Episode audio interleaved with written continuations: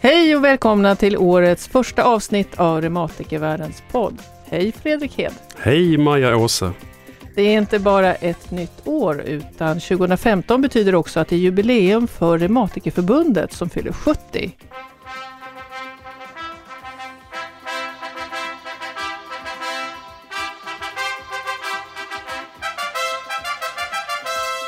Och podden har från och med i år fått en sponsor. Reumatikervärldens podd presenteras i samarbete med Apotek Hjärtat. Det här avsnittet av podden handlar om mycket, som sex. Det finns ju tillfällen när man bara känner sig lite extra upptänd och det kanske är när man sitter på bussen och tänker på sin partner. Men skicka ett sms, visa att just nu är jag ändå lite tänd på dig, jag kan inte göra något åt det. Förtvivlan. För jag blev bara sämre och sämre och det här handlade om mellan två och tre månader av helt onödigt lidande. Jag jobbade visserligen under tiden men jag mådde verkligen skit. Lycka. Det känns jättehärligt. För att jag har ingen smärta i min hand längre. Och lite träning. Då gör jag så att jag lägger med raka ben och så drar jag upp det ena benet och låter foten glida mot underlaget.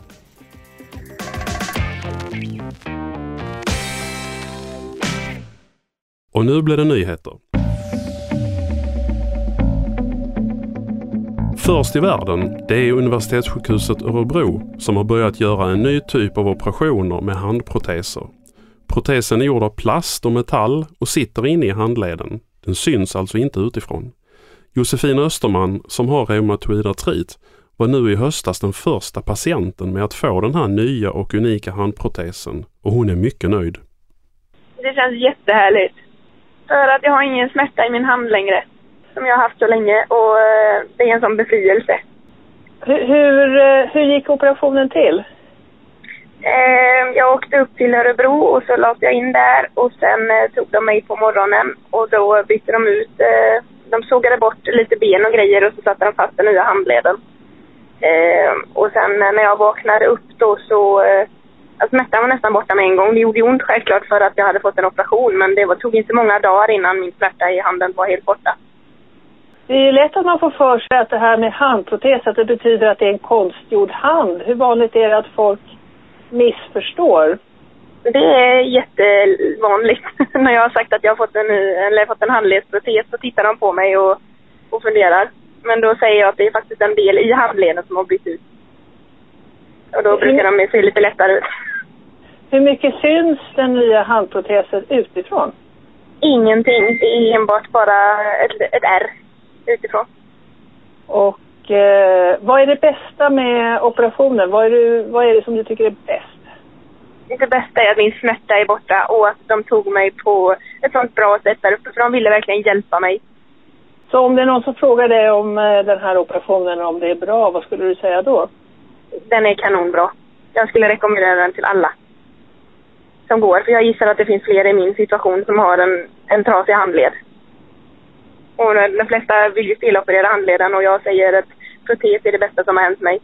Det var Josefin Österman och en längre intervju med henne kan du läsa i Reumatikervärldens pappersutgåva som utkommer den 9 januari.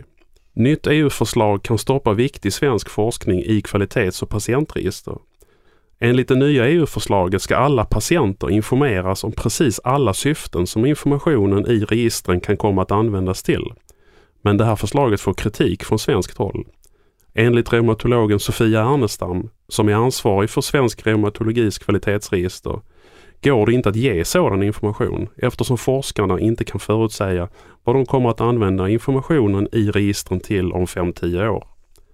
Sofia Ernestam befarar att om EU-förslaget går igenom kan det leda till att både behandlingen av patienterna riskerar att bli sämre, liksom den medicinska forskningen inom reumatologin. Exempelvis har kvalitets och patientregistren varit mycket viktiga för den forskning som har utvärderat effekt och säkerhet med de biologiska läkemedlen de senaste 10-15 åren. Det är välkänt att träning är positivt vid de flesta reumatiska sjukdomar. Men hur mycket och vilken typ av träning som är bäst känner vi inte riktigt till. Sjukgymnasterna Björn Eng och Tom Arild Torstensson, som forskar vid Karolinska institutet i Huddinge, har startat en studie för att undersöka vilken träning som är bäst för de som har artros i knäleden. Alla deltagarna i studien får cykla på en speciell träningscykel och patienterna får också göra speciella knäövningar. Deltagarna lottas till två olika träningsdoser. En som är lite lättare och så en som enligt Björn Eng är lite tuffare. Ja, det är, det är tuffare i den bemärkelsen att det är träning under längre tid. Det är den ena faktorn som är, som är viktig, då, att pågå längre. Sen är det också eh, träning med mer repetitioner som det, det blir då per, per automatik då, mer tid också.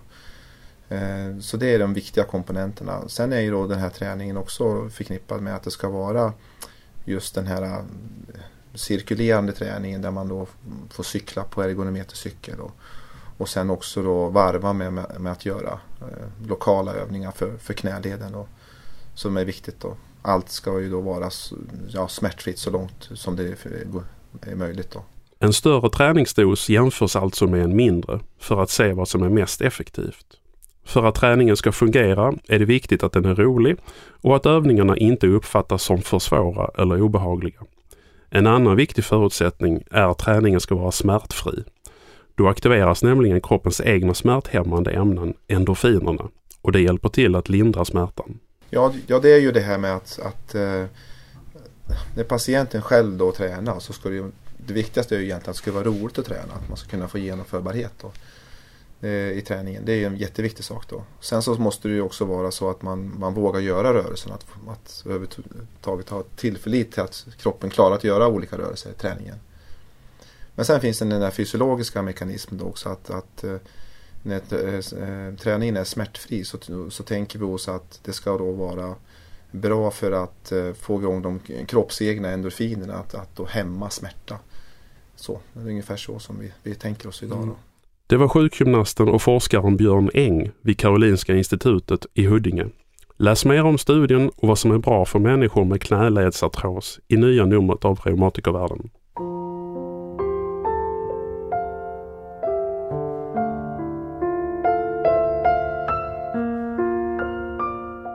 Kerstin Söderström växte upp med släktingar som hade svår ledgångsreumatism. Men när hon själv fick sjukdomen för snart 20 år sedan hade hon sån tur att hon direkt kunde börja med en kombination med cellgifter och kortison och senare biologiska läkemedel.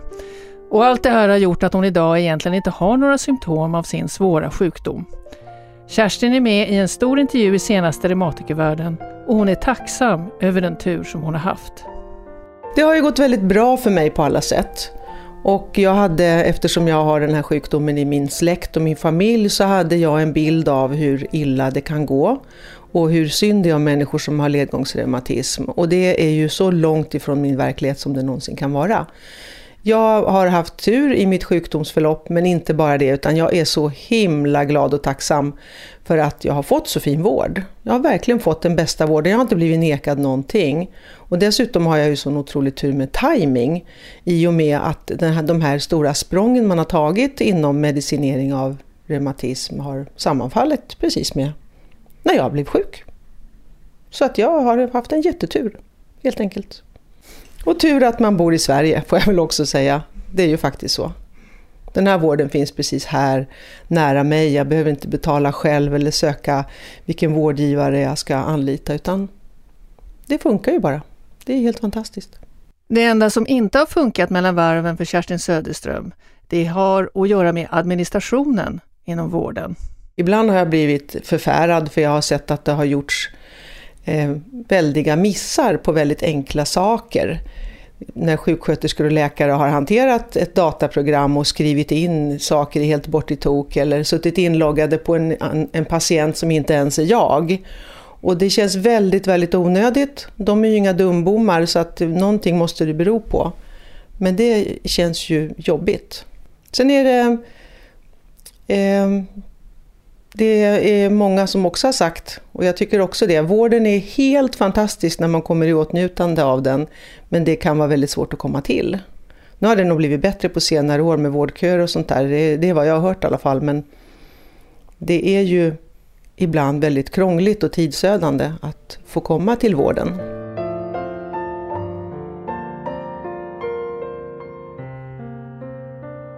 Ja, jag har ju som sagt mått så jättebra men jag hade ett skov eh, för ett par år sedan, för ungefär fem sex år sedan, så blev jag dålig en höst. Och eh, då råkade min ordinarie läkare vara tjänstledig för forskning. Och då fick inte jag prata med någon läkare eftersom hon var tjänstledig. Det spelade ingen roll hur jag mådde och det spelade ingen roll att jag förklarade att jag behövde prata med läkare för att diskutera hur vi skulle ändra på min vård. För jag blev bara sämre och sämre och det här handlade om mellan två och tre månader av helt onödigt lidande. Jag jobbade visserligen under tiden men jag mådde verkligen skit. Ehm, och eh, det enda man kunde komma på var att skriva ut ännu mer smärtstillande. Och jag överlevde ju uppenbarligen men det kändes väldigt, väldigt onödigt. Väldigt konstigt. Jag var väldigt ihärdig och tjatade.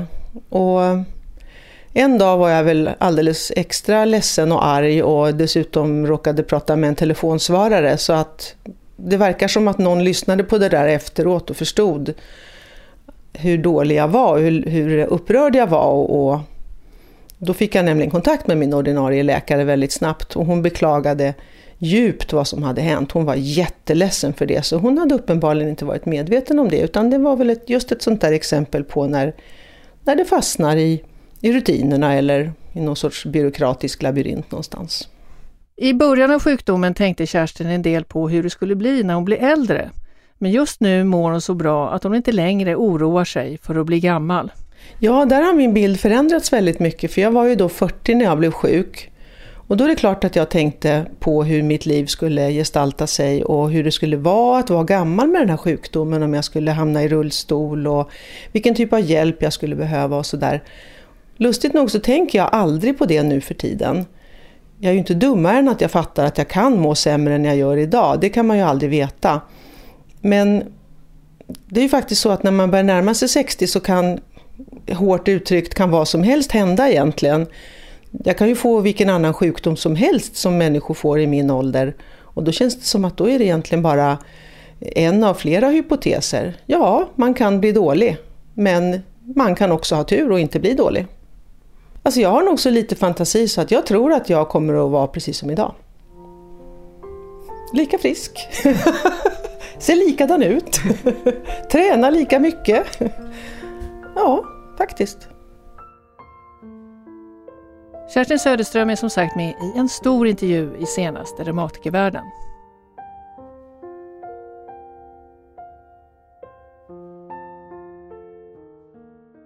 Och nu ska det handla om sex.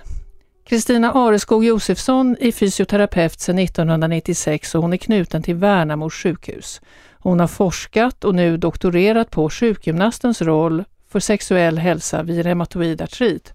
En sjukdom som hon känner väl till, hon har den själv. Ett känt problem är att många människor upplever att de har fått ett försämrat sexliv på grund av sin sjukdom. Men enligt Kristina Areskog Josefsson är det väldigt sällan som sjukgymnasterna pratar om sexuell hälsa med sina patienter. Jag tror egentligen man måste börja med att säga att det är så väldigt sällan det händer att vi pratar om det och det är en stor andel patienter som tycker att det är problem. När jag började med min forskning så var jag själv en eh, sjukgymnast som inte hade beaktat det här fältet. Jag pratade om att sjukgymnaster ser till helheten men jag pratade aldrig om sexuell hälsa. För den, den biten av helheten hade jag helt enkelt inte tänkt på. Och sen när jag blev då informerad av patienter att jag kanske borde prata om det här. Då började jag med en litteraturstudie och så hittade jag att det är väldigt stor andel patienter som har problem. Det skiljer sig studierna åt lite för det beror på hur man ställer frågorna. Men mellan 36 till 70 procent av patienter med reumatoid artrit tycker att de har ett försämrat sexuellt liv och en försämrad sexuell hälsa beroende på sin sjukdom. Och vilken roll kan sjukgymnastiken spela för att öka lusten till sex och att bli kåt? Det var också en fråga som jag ställde mig för det började med att patienterna sa till mig att eh, nyttan av sjukgymnastik det är, ja, det är så bra för mitt sexliv. Och första gången man hör det blir man ganska ställd. Sen börjar man fundera och så pratar jag mer med patienterna och de uttrycker att man kommer igång, vi pratar om fysisk träning, vi pratar om att du ska hålla dig i form och vi jobbar för att patienterna ska lyckas med olika typer av fysiska aktiviteter och bli starkare. Och när man lyckas så blir man nöjd med sig själv, nöjd med sin kropp. Man blir helt enkelt mer positivt inställd till sin kropp.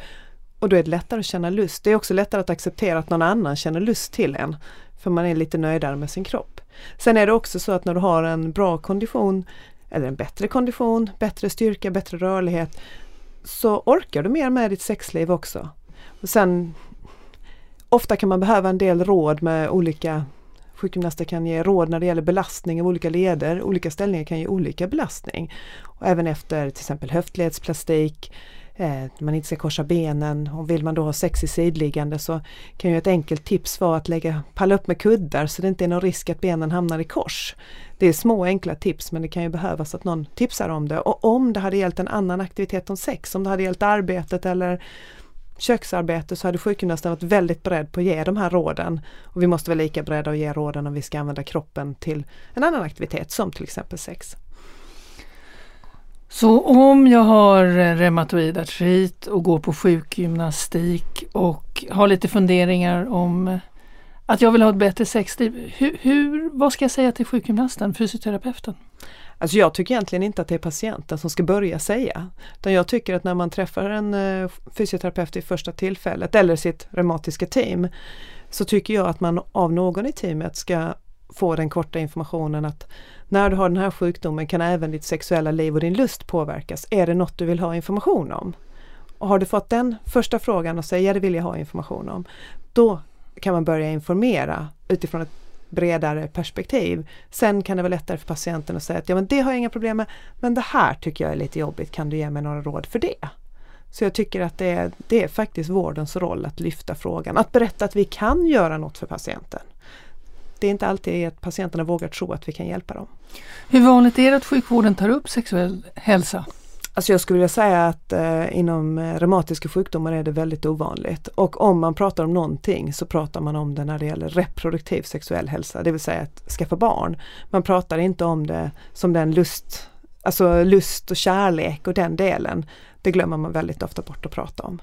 Och det påverkar ju relationen när man är nedstämd, trött, har ont och det kan ju också vara så att den man är tillsammans med känner sig lite att den kanske inte riktigt vågar säga att jag tänder på dig fast du har ont och är trött och ja, då kan man ju känna sig kanske lite burdus som partner. Här går jag på och vill och vill och du, jag vet samtidigt att du har ont. Samtidigt som den som har ont och är reumatiker kan känna att nej, han vill inte ha mig mer, han visar inte det längre. Så att, Får man reda på att ja, men det här är inte så ovanligt. Det här kan vi jobba tillsammans med att förbättra. Det kanske ändrar sig med en annan medicinering. Det är inget fel på er relation. Det är här och nu och det är den här sjukdomen som spelar roll ja, det kan göra skillnad. Och jag tycker att fysioterapeuterna måste också våga ta den, den rollen som vi faktiskt kan ha som till att förbättra sexuell hälsa. Förutom träning finns det även förstås andra sätt att hålla lusten vid liv. Nu är jag inte sexrådgivare så, men det jag skulle vilja säga det är väl egentligen att ta tillvara på och visa när man har lust även när man inte kan ge utlopp för den. Det finns ju tillfällen när man bara känner sig lite extra upptänd. Det kanske är när man sitter på bussen och tänker på sin partner, men skicka ett sms, visa att just nu är jag ändå lite tänd på dig, jag kan inte göra något åt det.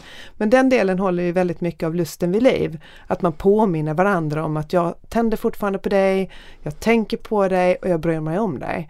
Det, det kan man komma väldigt långt med att hålla lusten vid liv och det kan ju även gälla när man är i perioder när kanske sex faktiskt inte riktigt är det man orkar med men man kan ändå påminna varandra om att jag känner ändå lust till dig. Och närhet. Närheten är ju viktigare än vad vi, vi glömmer ibland bort den.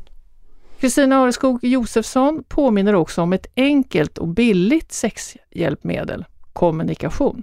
Alla tycker ju om olika saker. En del tycker ju väldigt mycket om ställningar där man möter varandra och har ögonkontakt hela tiden. Medan andra mer vill gå in i sig själva och inte ha ögonkontakten. En del vill ju känna varandra så nära, så nära varandra och en del vill ha lite mer individuell upplevelse. Men eh, kommunikation är ju nyckeln. Det är kommunikation med sin partner som är nyckeln. Kunna berätta vad man vill ha. Och kan man inte kanske alltid sätta ord på allting så kan det vara en rätt så spännande övning att fundera på vilka ord skulle jag tycka var okej okay om min partner sa till mig när man pratar om sex. För det, det, är inte helt enkelt. Och det är också ett tips till vårdpersonal. Vilka ord tycker jag är okej okay att använda när jag pratar om sex? Det var fysioterapeuten Kristina Areskog Josefsson som alltså doktorerat på sjukgymnastens roll för sexuell hälsa.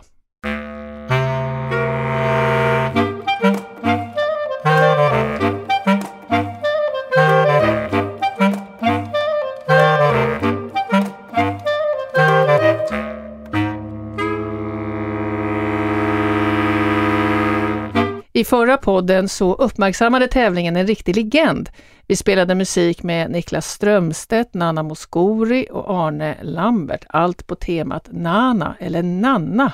Nanna som är Nanna Schwartz, som var en mycket känd svensk reumatolog och en föregångskvinna på flera sätt. Och vi har fått in rätt svar från tre stycken personer och de vinner förbundets ryggsäck. Och vilka de är, det går att läsa på förbundets sajt www.reumatikerförbundet.org. Och den här gången så ligger två stycken av förbundets specialglas i potten och frågan är hur många reumatiska sjukdomar finns det egentligen? Förbundet brukar tala om en cirka-siffra, så det är den som vi är ute efter, alltså ungefär hur många reumatiska sjukdomar finns det? Maila ditt svar före måndag den 19 januari till adressen, och den är ju lite krånglig, redaktion reumatikervarden.se redaktion reumatikervarden.se Och vi tar och petar in en ledtråd tycker jag, och det är Thomas Ledin. Och ledtråden är det år som han vann Melodifestivalen med den här festliga slagdängan.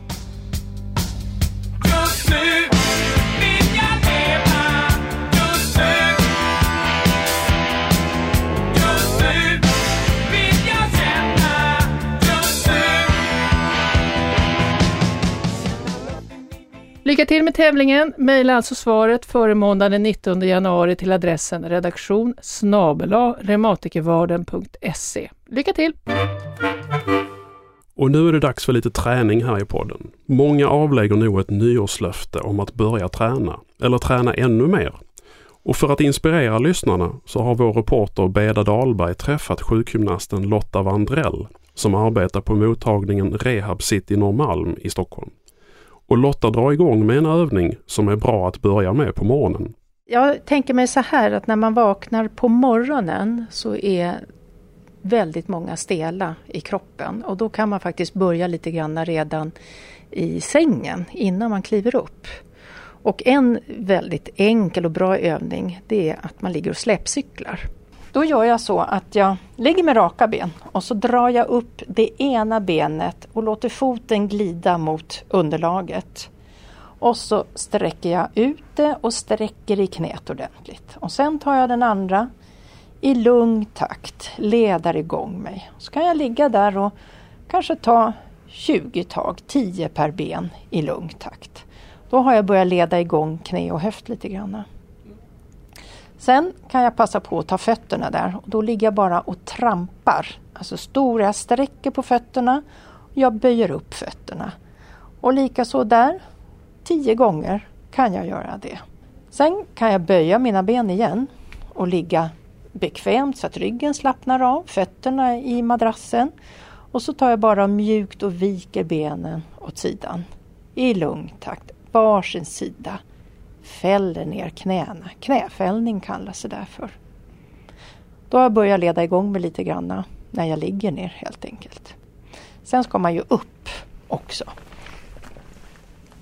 Axlarna behöver komma igång också. Och då brukar jag säga att börja rulla axlarna. Rulla dem bakåt med stora, stora tag.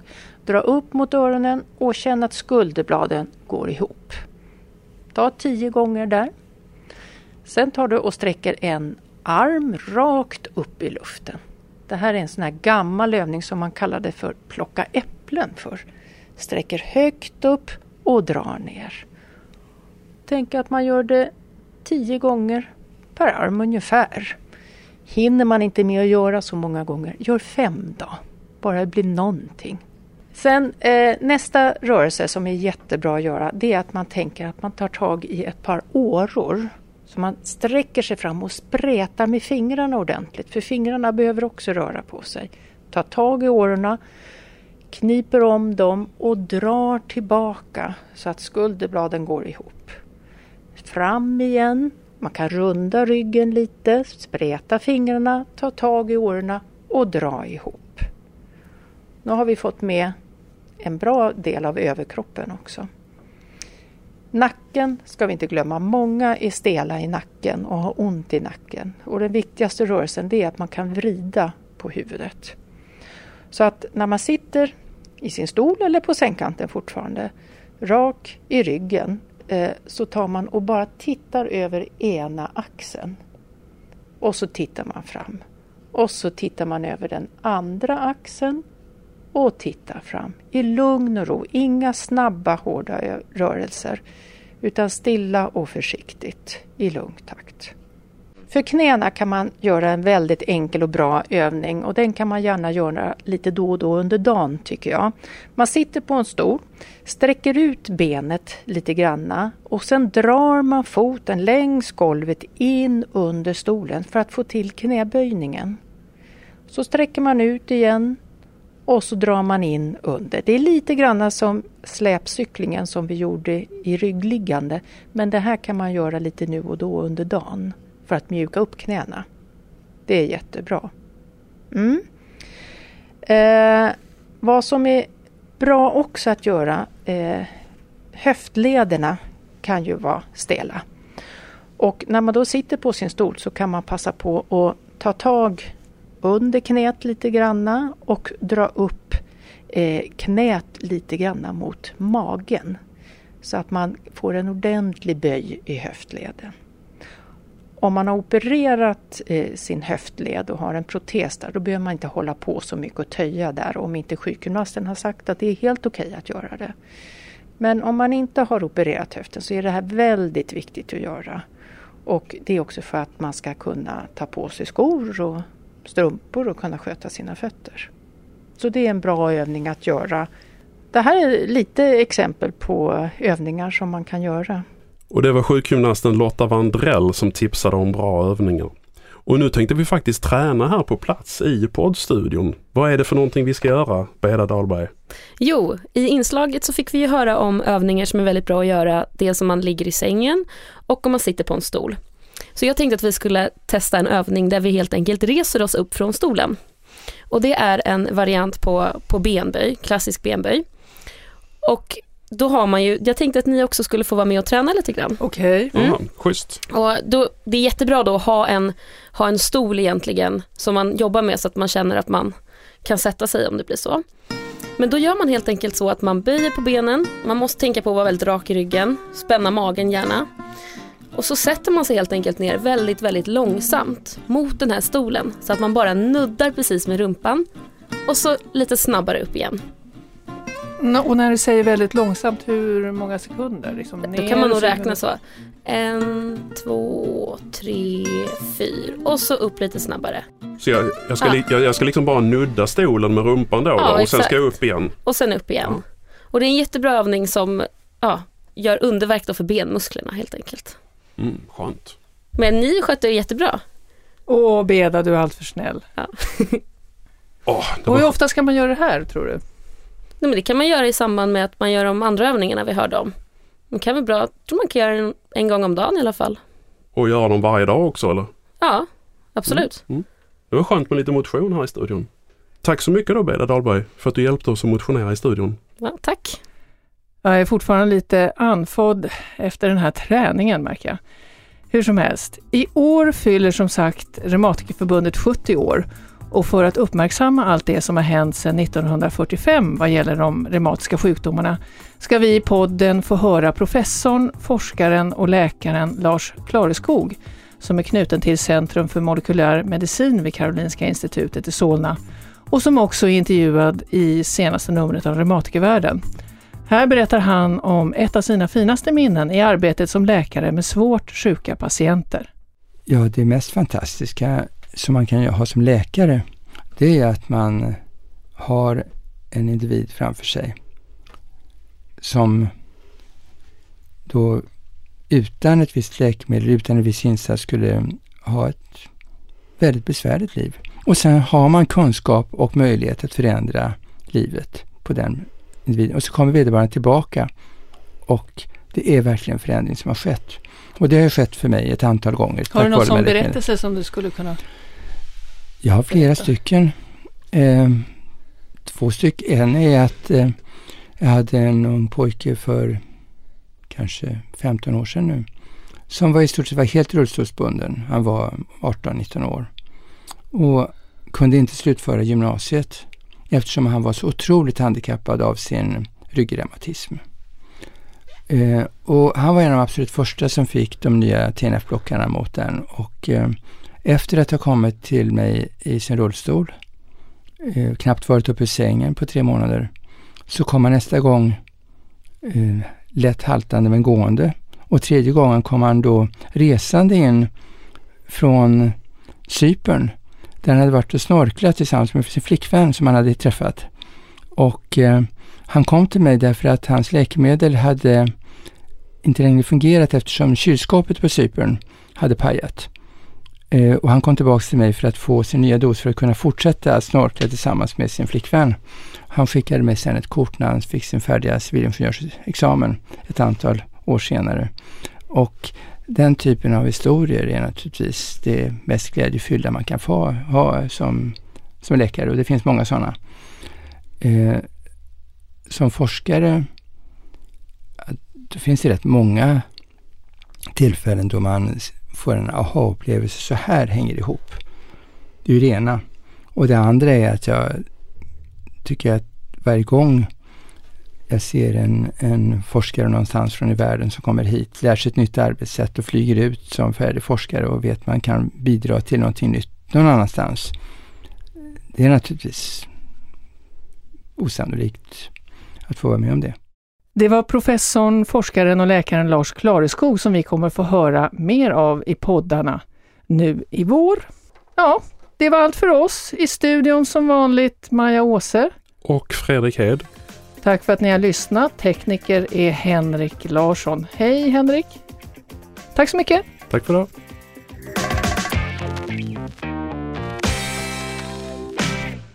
Reumatikervärldens podd presenteras i samarbete med Apotek Hjärtat. Det här är en produktion från Iris Media i samarbete med Reumatikerförbundet.